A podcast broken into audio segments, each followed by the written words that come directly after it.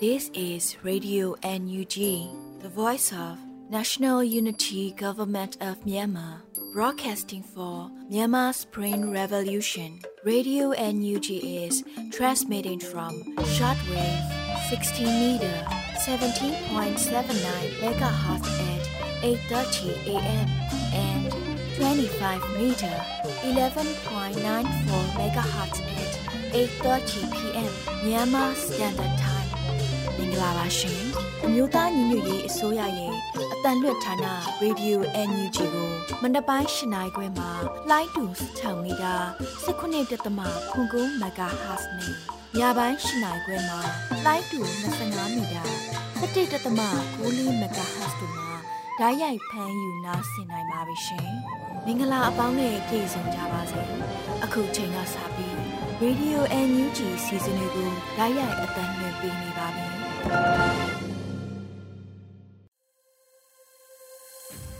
မင်္ဂလာနံနက်ခင်းပါရှင်ရေဒီယို NUG ကိုနားဆင်နေကြတဲ့မိဘပြည်သူများနဲ့မြန်မာနိုင်ငံသူနိုင်ငံသားအပေါင်းတဘာဝပြီးဆရာနာရှင်ဘေးတို့ကနေကင်းဝေးပြီးကိုစိတ်နှစ်ပါးဘေးကင်းလုံခြုံကြပါစေလို့ရေဒီယို NUG အဖွဲ့သားများကဆုတောင်းမေတ္တာပို့သလိုက်ပါတယ်အခုချိန်ကစပြီးမတ်လ၄ရက်နေ့ရေဒီယို NUG ရဲ့မနက်ခင်းအစီအစဉ်တွေကိုစတင်ထုတ်လွှင့်ပေးတော့မှာဖြစ်ပါတယ် ပထမအဆုံးအနေနဲ့ကာကွယ်ရေးဝန်ကြီးဌာနရဲ့စီးရေးသတင်းအကျဉ်းချုပ်ကိုတော့စောတဲလူနေမှဖတ်ကြားတင်ပြပေးမှာဖြစ်ပါတယ်ရှင်။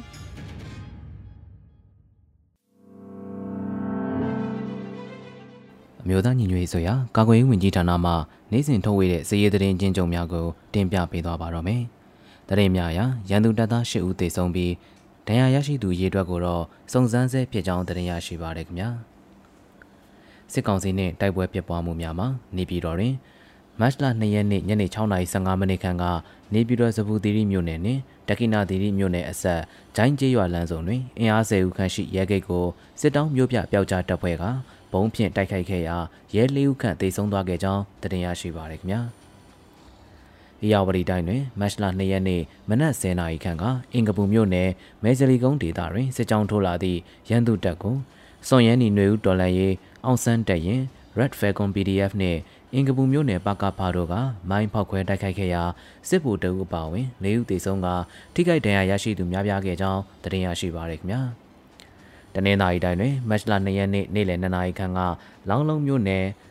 အောက်ကျောက်ဝတ်ကျေးရွာတွင်လွန်ခဲ့သည့်နှစ်ရက်ခန့်ကကျောင်းနီမော်ကျေးရွာသို့ရေလမ်းဖြင့်ရောက်လာသည့်စစ်တပ်ကျောင်းနီမော်ရွာကန်ပြူစောတိပူးပေါင်းအဖွဲ့နှင့်ပြည်သူ့ကာကွယ်ရေးတပ်ဖွဲ့တို့တိုက်ပွဲဖြစ်ပွားသဖြင့် ဒေသခံများတိမ်းရှောင်နေရပြီးတိုက်ပွဲအတွင်းထိခိုက်ဒေဆုံးမှုအတိအကျကိုတော့မသိရှိရသေးကြောင်းသတင်းရရှိပါရခင်ဗျာစစ်ကောင်စီကျူးလွန်သောရာဇဝတ်မှုများမှာကချင်ပြည်နယ်တွင်မတ်လ3ရက်နေ့ကတနိုင်းမြကြီးနားလီဒိုလမ်းမပေါ်ရှိရန်သူတပ်ဂိမ်းများတွင်ခရီးသည်များ၏အိမ်များကိုစစ်ဆေးနေပြီးငါးမြင့်ဆောင်မှတ်ပုံနဲ့နိုင်ငံသားစီစီရေးကကင်ဆောင်သူခရီးသွားပြည်သူများကိုထောက်ခံစာမရှိလျင်ဒဏ်ငွေအနည်းဆုံး1000ကျပ်တောင်းခံလျက်ရှိကြောင်းသတင်းရရှိပါရခင်ဗျာ မန္တလေးတိုင်းတွင်မတ်လ၁ရက်နေ့ည9:00နာရီခန့်ကမဟာအောင်မြင်မြို့နယ်လမ်း30 89လမ်းနှင့်90ကြားရှိရွှေမန်းလှပွဲရုံကိုရန်သူတပ်သားများကဝင်ရောက်စစ်ဆေးခဲ့ပြီးလူနှစ်ဦးကိုဖမ်းဆီးသွားရင်28လမ်း86လမ်းနဲ့89လမ်းကြားရှိနေအိမ်များကိုလည်းဝင်ရောက်စစ်ဆေးခဲ့ကြောင်းသိရရှိပါရခင်ဗျာမတ်လ2ရက်နေ့ကမဟာအောင်မြင်မြို့နယ်69လမ်းနဲ့38အေလမ်းမဟာမြိုင်ထဲရှိ ရွှေမြကွန်ရဆိုင်မှာမျိုးသမီးတဦးနဲ့မျိုးသားတဦးကိုရန်သူစစ်ကောင်စီတပ်များကဖမ်းဆီးသွားခဲ့ကြောင်းသိရရှိပါရခင်ဗျာမကွေးတိုင်းတွင်မတ်လ3ရက်နေ့မနက်9:52မိနစ်ခန့်ကပကုတ်ကူမြို့နယ်ညောင်ကျစ်ပင်ရွာနှင့်ရေလာလေးရွာ၏အရှိမြောက်ဘက်ရှိဖောင်းချောင်းရွာပြူစောတိရွာမှာမြောက်ရက်သို့ရန်သူတပ်ဖွဲ့ဝင်များစွာစစ်ကြောင်းထိုးဝင်ရောက်လာခဲ့ပြီးဖောင်းချောင်းရွာမြောက်ဘက်ရှိတောဆက်တွင်အခြေပြုနေထိုင်သောဒေသခံပြည်သူများကိုဒဇာကန်ဖြစ်ဖမ်းဆီးခေါ်ဆောင်ကဆက်လက်စစ်ကြောင်းထိုးဝင်ရောက်လျက်ရှိကြောင်းသိရရှိပါရခင်ဗျာ တနင်္သာရီတိုင်းတွင်မတ်လ2ရက်နေ့ကဒဝဲမြို့အထွတ်ဝါရှိပေါက်တိုင်းရွာမှဦးတင်စုံဦးသက်ရှိန်နဲ့ဦးခင်မောင်ကျော်တို့ကိုရန်သူတပ်ကဖမ်းဆီးသွားခဲ့ပြီးဖမ်းဆီးခံရသူတို့မှာအေးဆေးနေတတ်သည့်ရက်မိရက်ဖများဖြစ်ကြပြီးမြည်သည့်အကြောင်းရင်းကြောင့်ဖမ်းဆီးခံရသည်ကိုမသိရှိရသေးကြောင်းတင်ရရှိပါရခင်ဗျာအေယာဝတီတိုင်းတွင်မတ်လ2ရက်နေ့ကကြံကင်းမြို့နယ်ရဲစခန်းတွင်ဖဲဝိုင်းနှင့်ပတ်သက်၍ဖမ်းဆီးထားသူများကိုဖဲဝိုင်းတွင်ပါမပါစစ်ဆေးရမှာ မင်းတီရီနှစ်ရက်ကွက်အငိမ့်စားကျောင်းဆရာတို့၏တားဖြစ်သူတေဆုံးသွားကြောင်းတင်ရရှိပါရခင်ဗျာအခုဖော်ပြလာတဲ့သတင်းတွေကိုတော့မြေပြင်သတင်းဒါဝန်ခံများနဲ့သတင်းဌာနများမှဖော်ပြလာသောအချက်အလက်များပေါ်တွင်အခြေခံပြုစုထားခြင်းဖြစ်ပါတယ်ကျွန်တော်စောတဲလူနေပါ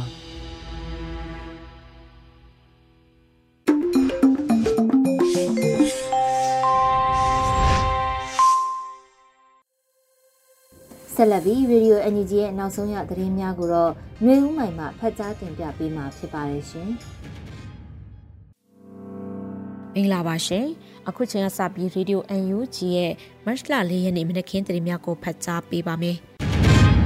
။ပထမဆုံးအကြမ်းဖက်စစ်ကောင်စီဘက်ကသတင်းအတူရောင်းတဲ့ information warfare ပါအရှိန်မြင့်လာတယ်လို့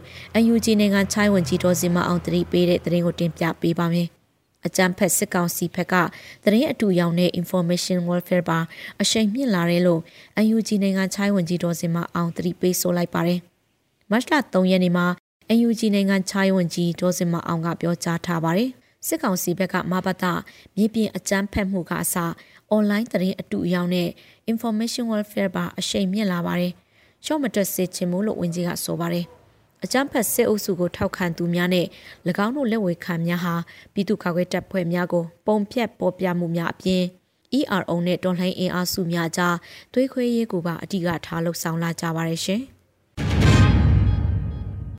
ဆက်လက်ပြီးဂျားကာလဒီတန္တရပြည်သူ့အုပ်ချုပ်ရေးဖော်ဆောင်မှုဗဟိုကော်မတီနဲ့စကိုင်းတိုင်းမကွေးတိုင်းပြည်သူ့အုပ်ချုပ်ရေးအဖွဲ့များတွိတ်ဆုံဆွေးနွေးတဲ့တဲ့ရင်ကိုတင်ပြပေးပါမယ်။ ဂျားကာလဒေသန္တရပြည်သူ့အုပ်ချုပ်ရေးဖော်ဆောင်မှုဘောကော်မတီနဲ့စကိုင်းတိုင်းမကွေတိုင်းပြည်သူ့အုပ်ချုပ်ရေးအဖွဲ့များတွိတ်ဆုံဆွေးနွေးခဲ့လို့တင်ရရှိပါတယ်။မတ်လ3ရက်အမျိုးသားညီညွတ်ရေးအစိုးရဂျားကာလဒေသန္တရပြည်သူ့အုပ်ချုပ်ရေးဖော်ဆောင်မှုဗဟိုကော်မတီနဲ့စကိုင်းတိုင်းမကွေတိုင်းပြည်သူ့အုပ်ချုပ်ရေးအဖွဲ့များတွိတ်ဆုံဆွေးနွေးပွဲအစည်းအဝေးကိုမြင်းဆောင်2023ကိုကျင်းပခဲ့ပါတယ်။ အစည်းအဝေးတွင်လူခွင့်ရေးဆိုင်ရာဝန်ကြီးဌာနပြည်တော်စုဝန်ကြီးဦးအောင်မျိုးမင်းမှပြောကြားရာတွင်မြေပြင်မှာရှိသူများ၏လှုပ်ဆောင်မှုကြိုးပမ်းမှုနှင့်တူတာဝန်ရှိသူများနှင့်အပြန်အလှန်ဆွေးနွေးပြောကြားမှုကိုကြည်ချင်းအဖြစ်မြေပြင်ဤအခြေအနေကိုသိနိုင်ပါကြောင်းဒါအပြင်လိုအပ်သည့်လှုပ်ဆောင်မှုများကိုကြိုးပမ်းဆောင်ရွက်နိုင်မည်ဖြစ်ကြောင်းဝန်ကြီးဌာနအနေဖြင့်ပြည်သူများ၏လူ့အခွင့်အရေးရာဖော်ဆောင်မှုကာကွယ်ပေးမှု တရားဥပဒေစီရင်မှုတွေကိုကြိုးပမ်းလှုပ်ဆောင်ပါကြောင်းထို့တုပ်လှုပ်ဆောင်ရရင်မြေပြင်မှာရှိနေသူများနဲ့ပူးပေါင်းမှုတွေကြိုးပမ်းလှုပ်ဆောင်မှုတွေမရှိဘဲဆောင်ရွက်နိုင်မည်မဟုတ်ကြောင်းမြေပြင်မှာဖြစ်ပျက်နေမှုများကိုအမှန်တိုင်းသိရှိပြီးတစ်ဖက်မှလည်းစစ်ကောင်စီမှမူဝါဒဖြန့်ဝေမှုအားလုံးကိုကြော်လွှား၍ကမ္ဘာသို့အမှန်တိုင်းသိရှိရန်ပြည်သူတွေရဲ့ခံစားမှုကိုတင်ပြနိုင်ရန်ဖြစ်ကြောင်းဆိုခဲ့ပါတယ်။ဒါအပြင်အမျိုးသမီးလူငယ်နဲ့ကလေးသူငယ်ရေးရာဝန်ကြီးဌာန ပြည်ထောင်စုဝန်ကြီးနော်ဆုစန္ဒလှလှဆိုးမှလည်းဌာန၏လုပ်ငန်းဆောင်ရွက်ချက်များ2023ခုနှစ်မတ်လ10ရက်နေ့တွင်ကြာရောက်မည့်အပြည့်ပြည့်ဆိုင်ရာအမျိုးသမီးများနှင့်ကမ်ပိန်းဆောင်ရွက်မှုများနှင့်ပတ်သက်၍ရှင်းလင်းပြောကြားခဲ့ပါသည်အစည်းအဝေးသို့ဂျာကာလာဒေသန္တရပြည်သူ့အုပ်ချုပ်ရေးဖော်ဆောင်မှုဗဟိုကော်မတီဖွဲ့ဝင်ပြည်ထောင်စုဝန်ကြီးများဒုတိယဝန်ကြီးများအမြဲတမ်းအတွင်းဝင်များ တွဲဖက်အမြဲတမ်းအတွင်းဝင်များဌာနဆိုင်ရာတည်တည်မှတာဝန်ရှိသူများစကိုင်းတိုင်းမကွေးတိုင်းပြည်သူ့အုပ်ချုပ်ရေးအဖွဲ့ခေါင်းဆောင်များအဖွဲ့ဝင်များတက်ရောက်ခဲ့ကြပါတယ်ရှင်ဆက်လက်ပြီးချွတ်နိုင်ငံရေးဝန်ကြီးဌာနကအာရှရေးရာတာဝန်ခံမစ္စတာမာရက်လီဘက်ကီနဲ့ AUG လူခွင့်ရေးဆိုင်ဝန်ကြီးတို့မြန်မာအရေးတွဲဆုံဆွေးနွေးခဲ့တဲ့တင်ကိုတင်ပြပေးပါမယ်။ချက်နိုင်ငံရေးဝန်ကြီးဌာနကအာရှရေးရာတာဝန်ခံမစ္စတာမာရက် လီဘက်ကီနဲ့ AUG လူခွင့်ရေးဆိုင်ရာပြည်ထောင်စုဝန်ကြီးတို့မြန်မာအရေးတွဲဆုံဆွေးနွေးခဲ့လို့တင်ရရှိပါတယ်။မတ်လ3ရက်နေ့မှာ UNG လူအခွင့်ရေးဆိုင်ရာပြည်ထောင်စုဝန်ကြီးဦးအောင်မျိုးမင်းကပြောပါတယ်။ဘယ်တော့မှအရှုံးမပေးနဲ့ဆိုတဲ့ခေါင်းစဉ်နဲ့ဆွေးနွေးပွဲမှာမြန်မာပြည်သူတွေရဲ့မိတ်ဆွေကြီး Ignor Blazevic နဲ့အတူချက်နိုင်ငံရေးဝန်ကြီးဌာနကအာရှရေးရတောင်ခံ Mr. Marek Lebrakin တို့နဲ့စကားပြောဖြစ်ခဲ့ပါတယ်။ နိုင်ငံငယ်ပေမဲ့မြန်မာနိုင်ငံရဲ့ဒီမိုကရေစီအတွက်ဆိုရင်ရှေ့တန်းကအားပေးနေတဲ့ချက်နိုင်ငံအစိုးရနဲ့ပြည်သူများကိုကျေးဇူးတင်ပါတယ်လို့ဆိုပါတယ်ဒါအပြင်လူအခွင့်ရေးကောင်စီရဲ့ဥက္ကဋ္ဌဖြစ်တာဝန်ယူထားတဲ့ချက်နိုင်ငံအနေနဲ့တနေ့တခြားပုံမရက်ဆက်ရုံမာလာနေတဲ့အကြမ်းဖက်စစ်ကောင်စီကိုထိရောက်တဲ့အရေးယူဆောင်ရွက်မှုတွေထွက်ပေါ်လာအောင်အစွမ်းကုန်ဆက်လက်ကြိုးပမ်းစေလိုတယ်လို့ဝန်ကြီးကဆိုပါတယ်ရှင်။ မြန်မာနိုင်ငံလူ့အခွင့်အရေးကော်မရှင်ဟာစစ်အာဏာရှင်ကလှုပ်ဆောင်နေတာကိုတသက်မထွက်ပဲငြိမ်နေပြီးအလို့မဖြစ်တဲ့အဖွဲလို့ NUG လူ့အခွင့်အရေးဆိုင်ရာဝန်ကြီးရှုတ်ချပြောဆိုတဲ့သတင်းကိုဆက်လက်တင်ပြပေးပါမယ်။မြန်မာနိုင်ငံလူ့အခွင့်အရေးကော်မရှင်ဟာစစ်အာဏာရှင်ကလှုပ်ဆောင်နေတာတွေကိုတသက်မှမထွက်ပဲငြိမ်နေပြီးအလို့မဖြစ်တဲ့အဖွဲ့လို့ UNG လူ့အခွင့်အရေးဆိုင်ရာဝန်ကြီးဦးအောင်မျိုးမင်းကရှုတ်ချပြောဆိုလိုက်ပါတယ် ကမ္ဘာလုံးဆိုင်ရာနိုင်ငံအဆင့်လူအခွင့်အရေးဌာနများမဟာမိတ်အဖွဲ့ GANHRI နှစ်ပတ်လည်အစည်းအဝေးသို့စစ်ကောင်စီလက်အောက်ခံလူအခွင့်အရေးကော်မရှင်အားဖိတ်ကြားမှုနဲ့ပတ်သက်၍မှတ်ချက်ပြုစကားမှာဝန်ကြီးကဆိုထားပါတယ်မြန်မာနိုင်ငံလူ့အခွင့်အရေးကော်မရှင်ဆိုတာကိုဗစ်ကာလကလေးကငြိမ်နေပြီးတော့ quarantine ဝင်ထားသလိုအခုချိန်ထိစစ်အာဏာရှင်ကရရဆက်ဆက်လှုပ်ဆောင်နေတာကိုတတမှမထွက်ပဲငြိမ်နေတဲ့အလို့မဖြစ်တဲ့အလို့မလုပ်တဲ့ နိုင်ငံတကာစံချိန်စံညွှန်းနဲ့မငီတဲ့ကော်မရှင်ကိုကမ္ဘာလုံးဆိုင်ရာနိုင်ငံအဆင့်လူ့အခွင့်အရေးဌာနများမဟာမိတ်အဖွဲ့ GANHRI နှစ်ပတ်လည်စည်းဝေးကိုတက်ရောက်ဖို့အခုလိုဖိတ်ကြားခြင်းကမြန်မာပြည်သူလူထုကိုစော်ကားလိုက်တာပဲလို့ဆိုပါတယ်။ဒါ့အပြင်လူ့အခွင့်အရေးကော်မရှင်အမိခံပြီးလူ့အခွင့်အရေးကိစ္စမလုပ်ဆောင်တဲ့ကော်မရှင်တရက်ကိုအခုလိုဖိတ်ကြားခြင်းကမြန်မာနိုင်ငံလက်ရှိအခြေအနေဘယ်လောက်ထိဆိုးရွားနေတာမသိသလိုလူ့အခွင့်အရေးမလုပ်တဲ့ကော်မရှင်ကိုဖိတ်ကြားခြင်းက မှားယွင်းတဲ့အကြောင်းအရာဖြစ်တယ်လို့လည်းဝင်းကြီးကထပ်လောင်းဆိုပါရရှင်။ဆက်လက်ပြီးအမျိုးသားဒီမိုကရေစီအဖွဲ့ချုပ်ဗဟိုအလုပ်ကော်မတီမှဥဖြိုမင်းသိန်းဒေါ်ဆန္နာမင်းအပါဝင်၄ဦးအားပါတီဝင်အဖြစ်မှအပြီးပိုင်ထုတ်ပေးတဲ့တင်ကိုတင်ပြပေးပါမယ်။ အမျိုးသားဒီမိုကရေစီအဖွဲ့ချုပ်ဗဟိုအလုပ်ကော်မတီမှဥဖြိုမင်းသိန်းဒေါ်ဆန္နာမင်းအပါဝင်၄ဦးအားပါတီဝင်အဖြစ်မှအပြီးပိုင်ထုတ်ပေးလိုက်တယ်လို့မတ်လ3ရက်နေ့မှာအမျိုးသားဒီမိုကရေစီအဖွဲ့ချုပ်ပါတီဗဟိုအလုပ်ကော်မတီကကြေညာခဲ့ပါတယ်။ပါတီ၏အပတ်စဉ်ပုံမှန်စည်းဝေးများတွင်တက်ရောက်လာသည့်ဗဟိုကော်မတီဝင်များဒိုင်းနှင့်ပြည်내အလို့အမှုဆောင်များဗဟိုရေးရာကော်မတီများကလည်းအဖွဲ့ချုပ်ဥက္ကဋ္ဌဒေါ်အောင်ဆန်းစုကြည်အပေါ်မမှန်မကန်တစ်တည်ထွက်ဆိုသူများနဲ့ ပြည်သူ့ဆန္ဒကိုကြောခိုင်းပြီးပါတီ၏မူဝါဒများကိုစန့်ကျင်လှုပ်ဆောင်နေသူများအားအရေးယူပေးရန်တင်ပြလာချက်များအရ၎င်းတို့ကိုထုတ်ပေးအရေးယူခြင်းဖြစ်တယ်လို့ဖော်ပြပါတယ်။ထုတ်ဖေခံရသူ၄ဦးမှာဥဖြိုမင်းသိန်းဗဟိုအလို့အမှုဆောင်အဖွဲ့ဝင်ဒေါ်စန္နာမင်းဗဟိုကော်မတီဝင်ဦးတိုးလွင်ဗဟိုကော်မတီဝင်ဦးဝင်းမြင့်အောင်ဗဟိုကော်မတီဝင်တို့ဖြစ်ကြပါရရှင် ဆက်လက်ပြီးတနင်္သာရီဒေသတစ်ခုလုံးအတွင်းစစ်ပေးရှောင်ပြည်သူဦးရေ28000ကျော်အထိရှိလာတဲ့သတင်းကိုတင်ပြပေးပါမယ်။တနင်္သာရီဒေသတစ်ခုလုံးအတွင်းစစ်ပေးရှောင်ပြည်သူဦးရေ28000ကျော်အထိရှိလာတယ်လို့သတင်းရရှိပါရယ်။မတ်လ3ရက်နေ့မှာဒေါနာတနင်္သာရီစစ်ပေးရှောင်များအထောက်အကူပြုရေးအဖွဲ့ကအသိပေးဆိုပါတယ် စစ်ကောင်စီတပ်များမှစစ်ကြောင်းထိုးဝင်ရောက်ခြင်းကျေးရွာများအားမိရှုဖျက်ဆီးခြင်းရွာသားများအားဖမ်းဆီးခေါ်ဆောင်ခြင်းများပုံမပြုတ်လုလာခဲ့ကြသဖြင့်စစ်ပေးရှောင်အရေးအတွက်သည်ရခင်လကထက်ပိုများလာခဲ့ပါတယ်2023ခုနှစ်ဖေဖော်ဝါရီလတွင်ဒေါနာတနင်္သာရီမှမြေပြင်အခြေအနေကိုကိုးကားချက်များရတနင်္သာရီဒေသတစ်ခုလုံးအတွင်းစစ်ပေးရှောင်ပြည်သူဦးရေ2800ကျော်အထိရှိနေပြီဖြစ်ပါတယ်လို့ဆိုပါတယ်။ပြီးခဲ့သည့်ဖေဖော်ဝါရီလ1ရက် အာနာသိန်းနှစ်နှစ်ပြည့်နေ့ကတနင်္သာရီဒေသအတွင်းရှိပလောမြို့နယ်နဲ့တနင်္သာရီမြို့နယ်တို့ကိုစစ်အုပ်ချုပ်ရေးကြီးညာခဲ့ပြီးအဆိုပါဒေသတို့တွင်စစ်ရေးအရှင်အဟုန်ပုံမှုမြင့်တက်လာခဲ့ပါတယ်ရှင်။မန္တလေးတိုင်းမြင်းချံမြို့နယ်လေးရွာစုံကျေးရွာ၌နေထိုင်သောအမျိုးသားဒီမိုကရေစီအဖွဲ့ချုပ်ပါတီကိုထောက်ခံသူများကိုပြူစောထီများကတပ်ဖြတ်၍ရွာချင်းဆက်လမ်းမေးတွင်ပစ်ထားခဲ့တဲ့ရင်ကိုဆက်လက်တင်ပြပေးပါမယ်။ မလေးတိုင်းမြင်းချံမြို့နယ်လေးရွာစုံကျေးရွာ၌နေထိုင်သော အမျိုးသားဒီမိုကရေစီအဖွဲ့ချုပ်ပါတီကိုထောက်ခံသူများကိုပြူစောထီများကတပ်ဖြတ်၍ရွာချင်းဆက်လမ်းမေးတွင်ပစ်ထားခဲ့ပါတယ်။စစ်အာဏာသိမ်းပြီးနောက်လက်တလောဖြစ်ပေါ်လက်ရှိသောအခြေအနေများနဲ့ပတ်သက်၍မတ်လ3ရက်နေ့မှာ AAPP ကဖော်ပြအသိပေးဆိုပါတယ်။ဖေဖော်ဝါရီလ28ရက်နေ့ည10:00နာရီခန့်ချိန်တွင်မာလီတိုင်းမြင်းချံမြို့နယ်လေးရွာစုံကျေးရွာ၌နေထိုင်သောကိုစိုးသူဝင်း ကိုဖိုးအေးကိုမောင်မောင်နဲ့မခင်ယုံမွန်တို့လေးဦးကိုအကြမ်းဖက်စစ်အုပ်စု၏တပ်နဲ့ပြိုစောထီများကဆိုင်ကယ်ဖြစ်လာရောက်ဖမ်းဆီးခဲ့ပြီးနောက်တနက်ဖြစ်ပစ်တက်ခဲ့တယ်လို့ဆိုပါတယ်။ထို့နောက်ရုတ်အလားများအားလေးရွာစုံကျေးရွာနဲ့ဘလုံးကျေးရွာကြားရှိလာမေတွင်ဆွန့်ပစ်ခဲ့ပြီးတည်ဆုံးသူများမှအမျိုးသားဒီမိုကရေစီအဖွဲ့ချုပ်ပါတီကိုထောက်ခံသူများဖြစ်သည့်ပြင်အကြမ်းဖက်စစ်အုပ်စုအားဆန့်ကျင်သောလှုပ်ရှားမှုများတွင်ပါဝင်သူများဖြစ်ကြပါသည် 2021ခုနှစ်ဖေဖော်ဝါရီလရက်နေ့မတရားစစ်အာဏာလုမှုဖြစ်စဉ်ကိုစန့်ကျင်ခဲ့ကြသောဒီမိုကရေစီရေးလှုပ်ရှားသူများနဲ့ပြည်သူများ၏ຫນွေဦးတော်လှန်ကာလအတွင်းကြာဆုံးခဲ့ရသူစုစုပေါင်းမှာ3085ဦးရှိခဲ့ပြီးဖြစ်ပါတယ်ရှင်။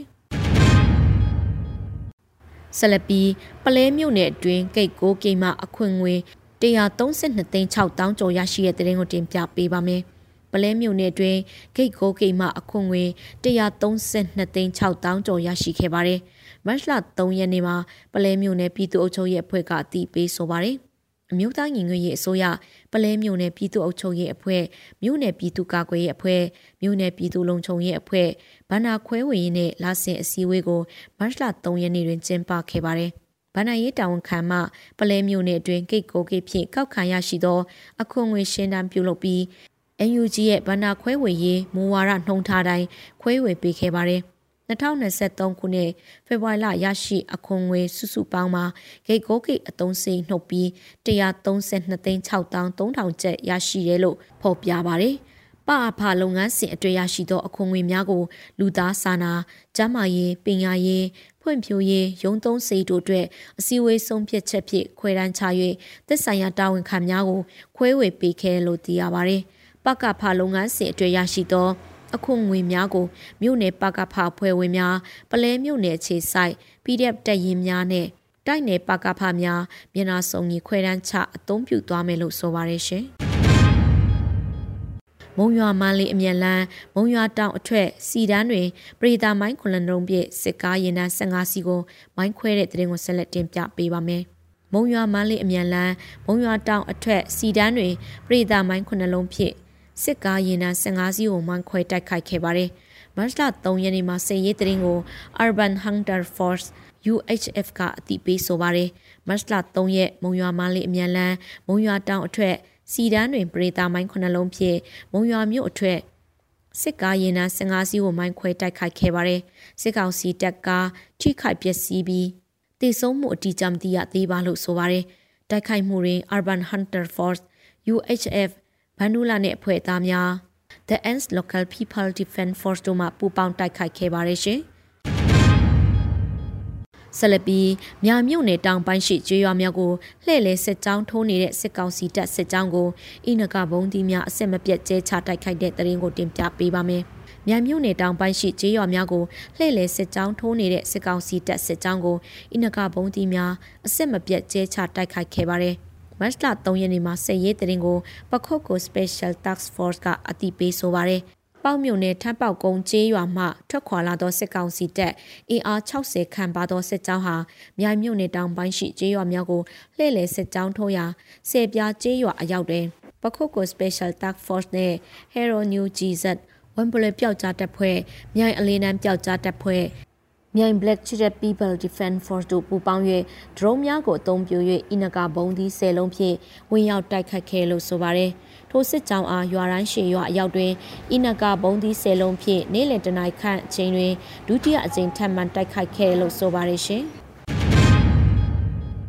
စကိုင်းမှမုံရွာဖက်သို့ထွက်လာသောစစ်ကောင်စီတပ်ဖွဲ့ကားများအကြိမ်ကြိမ်မိုင်းဆွဲတိုက်ခိုက်ခံရတဲ့တဲ့ရင်ကိုနောက်ဆုံးတင်ပြပေးချင်ပါတယ်။ စကိုင်းမှမုံရွာဖက်သို့ထွက်လာသောစစ်ကောင်စီတပ်ဖွဲ့ကားများအကြိမ်ကြိမ်မိုင်းဆွဲတိုက်ခိုက်ခိုင်းရတယ်လို့သိရရှိပါရယ်။မတ်လ3ရက်နေ့မှာ People Night Defense Force မြင်းမှုကစေရေးတရင်ကိုအတီးပြုတ်ဆိုပါရယ်။မတ်လ3ရက်2023ခုနှစ်နေခင်းတနာရီ40မိနစ်အချိန်ခန့်တွင်စကိုင်းမှမုံရွာဘက်သို့ဦးတီထွက်ခွာလာသောခွေးကား18စီးကိုမြင်းမှုနဲ့ဝမ်းပြေကြားတွင်3ကြိမ်တိုင်းမိုင်းဆွဲတိုက်ခိုက်ခဲ့ပြီးဝမ်းပြေနဲ့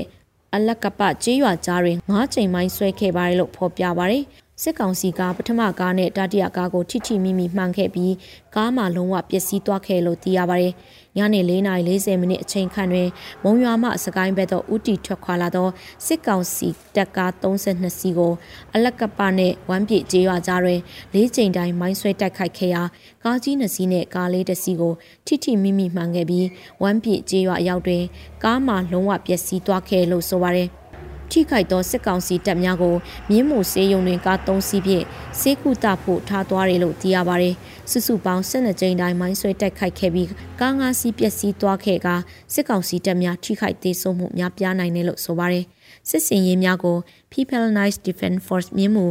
PKDF MMU နဲ့အတူ People Army to Fight Dictatorship PAFD Dog Killers Defense Force DKPDF MMU ထောင်သာ People Defense Force TTF PDF DBBF MMU စသောမဟာမိတ်အဖွဲ့များကပူးပေါင်းဆောင်ရွက်ခဲ့ပါတယ်ရှင်။အခုတင်ပြခဲ့တဲ့သတင်းတွေကို Radio UNG သတင်းထောက်မင်းမင်းကပေးပို့ထားတာဖြစ်ပါတယ်ရှင်။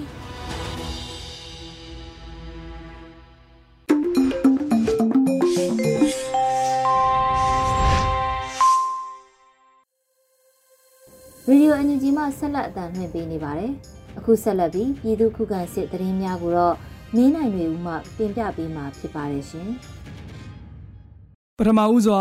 မင်းကင်းတွင်စကားဆစစ်ကြောင်းကိုမိုင်းဆွဲတိုက်ခိုက်တဲ့တဲ့တင်ဆက်မှာပါ။စကိုင်းတိုင်းမင်းကင်းမြို့နယ်အတွင်းစစ်ကြောင်းထိုးလာတဲ့အကြမ်းဖက်စစ်တပ်ကိုလက်နက်ကြီးဖြင့်ပစ်ခတ်ပြီး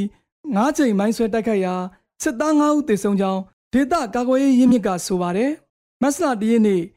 9:15မိနစ်တွင်မင်းကင်းမြို့နယ်တောင်တွင်းကျောင်းသို့ စစ်ကြောင်းထိုးလာတဲ့စစ်တပ်ကိုကာကွယ်ရေးတပ်ဖွဲ့များက80မမလက်နက်ကြီးများဖြင့်ပစ်ခတ်တိုက်ခိုက်ခဲ့ကြောင်း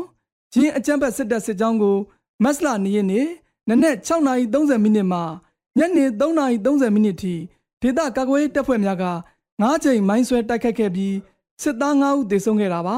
ဆက်လက်ပြီးနေပြည်တော်ချမ်းကြီးရလမ်းဆောင်စစ်စေးဂိတ်တွင်ဘုံပေါက်ကွဲမှုဖြစ်ပွားတဲ့တဲ့တင်တင်ဆက်ပါမယ်နေပြည်တော်စပူတီရီမြို့နယ်နဲ့တက္ကိနတီရီမြို့နယ်အဆက် ချမ်းကြီးရလမ်းဆောင်စစ်စေးဂိတ်တွင်ဂျမန်နေ့ညနေပိုင်းဘုံပေါက်ကွဲမှုဖြစ်ပွားပြီးရဲလေးဦးတက်မနဲ့သေဆုံးနိုင်ကြောင်းဒေသခံပြည်သူများထံမှသိရှိရပါတယ်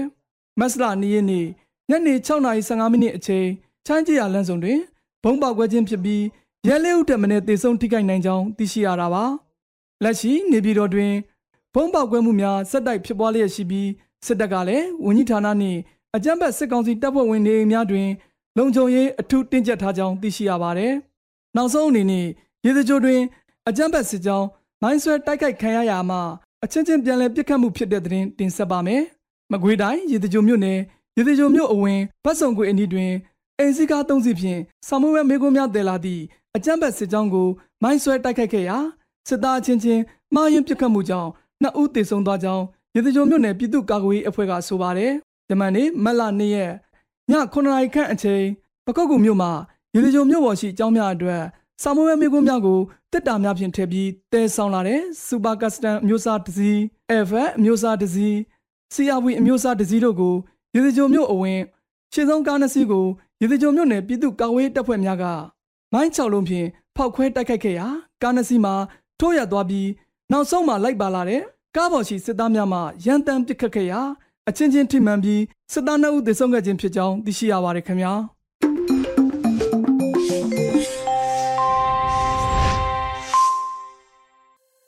ဆက်လက်ပြီး PPTV ရဲ့နေ့စဉ်သတင်းများကိုတော့ရိမ့်မှဖတ်ကြားတင်ပြပေးမှာဖြစ်ပါတယ်ရှင်။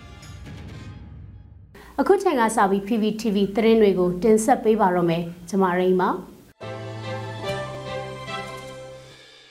ပထမဆုံးတင်ဆက်မှာကပလဲမြို့နယ်မှာအမျိုးသားညွရေးအစိုးရရဲ့နေမြေစိုးမိုးမှု80ရာခိုင်နှုန်းကျော်ရှိနေတဲ့သတင်းမှာသခိုင်းတိုင်းပလဲမြို့နယ်မှာအမျိုးသားညွရေးအစိုးရရဲ့နေမြေစိုးမိုးမှု80ရာခိုင်နှုန်းကျော်ရှိနေတယ်လို့ပလဲမြို့နယ်ပြည်သူ့အုပ်ချုပ်ရေးအဖွဲ့ကောင်းဆောင်ကိုစောထက်ကပြောပါတယ်။ ဗလဲမြို့နယ်ပြည်သူ့အုပ်ချုပ်ရေးအဖွဲ့ကိုဖွဲ့စည်းခဲ့တာမလ2ရက်နေ့ကနှစ်နှစ်ပြည့်တဲ့နေ့မှာသူကပြောခဲ့တာပါ NUG အစိုးရရဲ့စိုးမိုးနယ်မြေတွေတိုးလာဖို့အတွက် PDF တပ်ရင်တပ်ဖွဲ့တွေနဲ့ညှိနှိုင်းပေါင်းဆက်ပြီးတော့ရှေ့ဆက်လုပ်ရမယ့်လုပ်ငန်းစဉ်တွေကိုချမှတ်ထားပြီးဖြစ်ပါတယ်လို့ဗလဲမြို့နယ်ပြည်သူ့အုပ်ချုပ်ရေးအဖွဲ့ကောင်းဆောင်ကိုစောထက်ကပြောပါတယ် ဗလဲမြို့နယ်အတွင်းမှာရက်ကျေးအဆင့်ပြည်သူ့အုပ်ချုပ်ရေးတွေရက်ကျေးအဆင့်ပြည်သူ့ကာကွယ်ရေးအဖွဲ့တွေကိုလည်းစနစ်တကျဖွဲ့စည်းထားပြီးဖြစ်တဲ့အခြေအနေတွေကိုအခုလိုပဲပြောပြထားပါတယ်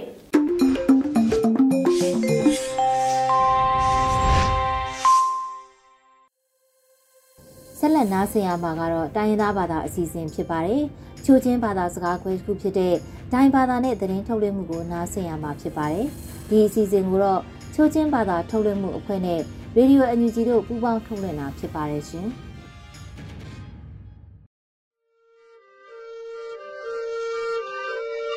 ဒိုင်ရီတီယိုနနိငိုင်းကီနိုဘဘဲနာစန်ဘတ်ကီငွိုင်းလပ်တော်နီတီလူနင်းရအုံလမ်နီတူငွိုင်းဝါဖိုခါအမ်နဖူခွန်းစုမတုံဟုံယာကာထူထက်တုံငယ်စွန်းကေဒိုင်ဆော်ဟိုင်နောကနင်းရထဲလတူခိုင်နီအခစကာမင်တမ်ဒုန်ဟဲ เซสปูนอเซนเฮดดุมอากาหัวผุครักพรูทิกีเดียทัง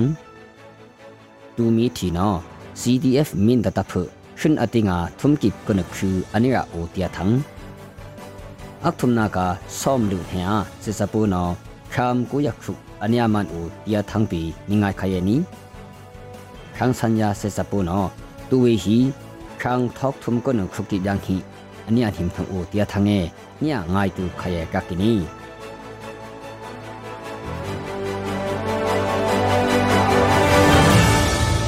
min tan he tek he phung ka am long nam pia se sapua sen het dum ka wai lu tha sen man pu kia khak phu thiki tia thang ya ka ka kini sim khang kham ku yam ha mu da khala ya ni khon li se sa ngon hanung ka no ang lu ta sen het dum anika hu u ip kaung matung thum thiki song prang ye bo mat phi thiki ahina ye bo hin ngtum phen iye ya siktheipu yaku eki tilu mhuma no anipena ka kini CTF min tan no pi ahik ba thang anipra u mhua ka kini kona hi khonli se sai no senhet dum anika hua phu lep kiye ya sei aniam tum thine pi behap kiye anitia ka ki se sapo no mlu pi pe mhuma abung senhet dum kap phu lo ki ahik ba ping nam khoda hi khonli no hongwa sa amhyang akdum ကပ်ဖူလုကယာကကိနီ CTF မိနဒဖူတူမီတီအဟာနံအင်္ဂလပါဖက်ထုမ်ယဟလိခုအနိယရာအိုတီလူတူမီတီနောတူခါအက်ဆမ်နှပုံသံအနိပရာဝါကကိနီအဟိနုံ US ဒေါ်လာထောင်းတ်ကုနုံအဖရာယခက်ကိဘျက်ထုမ်ဇွန် CTF မိနဒဖူစုံဘီဝိုင်အနိတယာကကီကနာတူမီတီယွိုင်နောင်လောင်ကာအတိငါဖုကိပီရဘဲတူနီအနိတယာကကီ ตูมีทีอาหานังอังเลปาพรักทุมยาฮลิคุอันนี้ยอยาโอติลูตูมีทีนอตูคาอักษมนปุงทั้งอันนี้ปราวากากินีอาหินุง US ดอลลาร์ทองอัดกุนุงอัพรายาเขตกิบยักทุมสน CTF มินดาพุสุมบีไว้อันนี้ตียากากีก่อนนะตูมีทีย่อยนางลองกาอาติงาพรุกิปียาเบตูนี้อันนี้ตียากากีตุกบิกเกียยากูเอအဆတ်ဟိုင်လူ CTF မင်တတ်ကူအီဝိုင်တီပန်လောခူလူပွင်းပေါကီနင်းရရဲ့အီတူမီချီရှင်အထူးဆွေနက်လက်ကိုနိကီယာကာလာပရနာကပီကကီနီတီလူ CRFP Fund Secretary ဆလဟိုင်တူခါနောပက်ကီယာကကီတူမလမာရဘဲတုံပီသန်တလန်ကူအီဝယာကလူထေလူနုပဘေနာနနင်းပွင်းပေါဝိုင်တီလူယာခူအကီနီ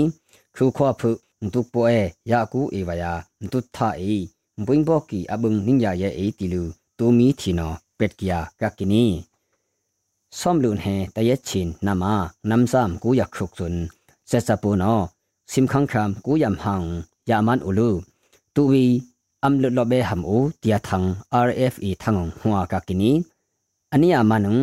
nokpui pakse amra satkie nhomin hasen ခက်ထုမ်ယာကုပ်ထုမ်လော်ကီနာဆန်ပီ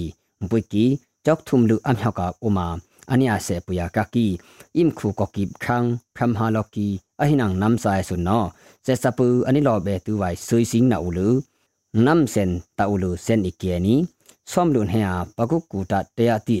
ကန်ကောမလူခလာယာ90ကြောက်ထုအမြောက်360ရှိရာမင်းတမ်လူခလာယာနိခွန်လင်းဒွန်အူလူယာတူဟူလုကေကကီယောနေထန် อังลตาทางอนิกปราอูหูนี้สิมขังครามกูอยากพูงปีปานสันนับอุมาครุกครั้งหิอันยามันติลูนัมมามันนอเป็ดเกียกากีအဟိနုံဆုံအိကယာဒိုင်ရီတီယိုနတာသမ်ခါနာအမီခောဟမ်ဆ ோம் လုန်ဟေကြောက်ထူယာအပီဘင်းနမေယံစင်ခန်းခါကိုယခုံတုန်အိကယာတူဝီဆပ်ဟီ MBT ဖုန်လွန်ပီအညက်ပရောပက်တာကကိနီတူဝီဆပ်ဟီခန်းစန်ယာစေစပူနောခန်း ထောက်ထုံကနုံခုကိဗျံဟိအနိယန်ဟိမထုအိုနီတီလူ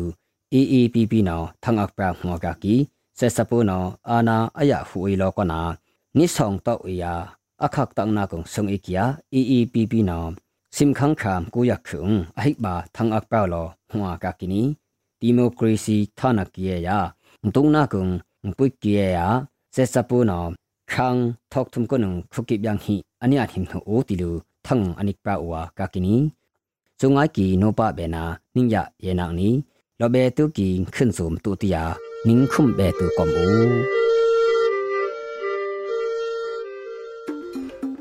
ဒီကနေ့ကတော့ဒီညနေပဲ Radio NUG ရဲ့အစီအစဉ်လေးကို ခေတ္တရ延လိုက်ပါမယ်ရှင်မြန်မာစံတော်ချိန်မနေ့၈နိုင်ခွဲနဲ့ည၈နိုင်ခွဲအချိန်တွေမှာပြောင်းလဲဆိုပြကြပါလို့ရှင် Radio NUG ကိုမနေ့ပိုင်း၈နိုင်ခွဲမှာလိုင်းတူ16မီတာ19.7 MHz နဲ့ညပိုင်း၈နိုင်ခွဲမှာလိုင်းတူ25မီတာ17.6 MHz တို့မှာဓာတ်ရိုက်ဖမ်းယူနာဆင်နိုင်ပါပြီရှင် မြန်မာနိုင်ငံသူနိုင်ငံသားများကိုစိတ်နှပြချမ်းမာချမ်းသာလို့ဘေးကင်းလုံခြုံကြပါစေလို့ Radio NUG ရဲ့ဖွဲ့သူဖွဲ့သားများကဆုတောင်းလိုက်ရပါတယ်။ San Francisco Bay Area အခြေဆိုင်မြန်မာမိသားစုများနိုင်ငံတကာကစေတနာရှင်များလို့အားပေးများရဲ့ Radio NUG ဖြစ်ပါတယ်ရှင်။အရေးတော်ပုံအောင်ရမည်။